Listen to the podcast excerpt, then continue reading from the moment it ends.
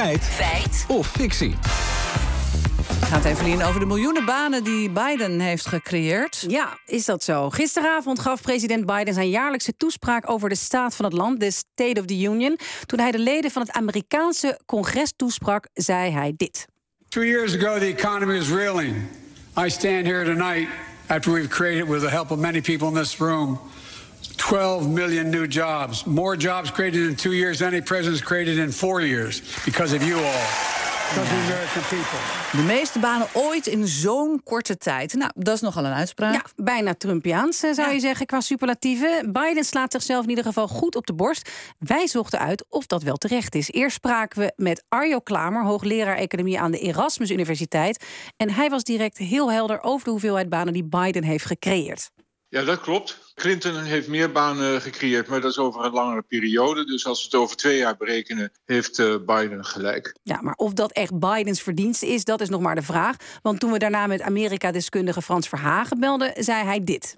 Wat je er wel bij moet vertellen is dat presidenten helemaal niet zoveel invloed hebben op economisch beleid. Dat, eh, er zit een hele grote autonome component in. En presidenten zeggen altijd dat zij de goede cijfers hebben veroorzaakt en schuiven de verantwoordelijkheid voor slechte cijfers altijd af. Ja, en, fluctueert het aantal banen niet sowieso altijd over periodes. In Nederland groeit het aantal banen nu bijvoorbeeld ook weer enorm. Ja, ja, misschien krijgen we daar binnenkort ook allerlei politici daar heel erg trots over gaan lopen Mhm. Hebben wij gedaan, ze dan. Ja. Ja, en ehm Klamer gaf al aan dat inderdaad dat ook een rol speelt. Maar het is niet zo dat Biden helemaal geen invloed heeft gehad. Hij profiteert van de, van de conjunctuur natuurlijk, zoals dat we ook in Nederland eh, zien. Maar hij heeft wel veel bijgedragen door bijvoorbeeld infrastructurele projecten eh, op te zetten. En dus op die manier de economie wel te stimuleren. Dus ja, hij heeft er wel wat aan bijgedragen. Nou, maar hier hoor je steeds meer geluiden over de behoefte aan juist automatisering in plaats van extra banen als gevolg van vergrijzing. Hebben ze daar in Amerika dan geen last van? Ze hebben wel last van vergrijzing, maar minder erg. Andere factoren vormen een groter probleem, zegt Verhagen.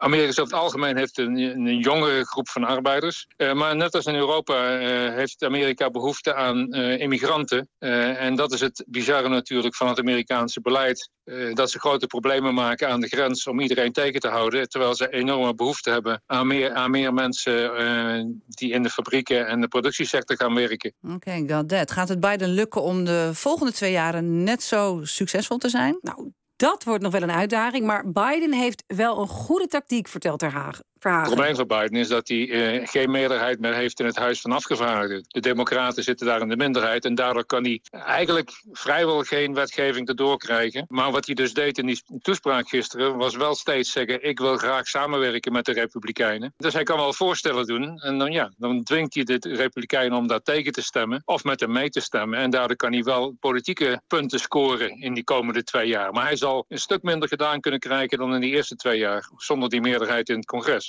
Oké, komen we tot een conclusie, Evelien. De uitspraak van Biden tijdens de State of the Union gisteren, was dat feit of fictie? Grote woorden, maar het is een feit. Nog niet eerder kwamen er in twee jaar tijd zoveel banen bij. Maar echt creëren van banen is het eigenlijk niet. Het is van heel veel factoren afhankelijk. Dus of het terecht is dat Biden zichzelf daar zo erg voor prijst, niet echt.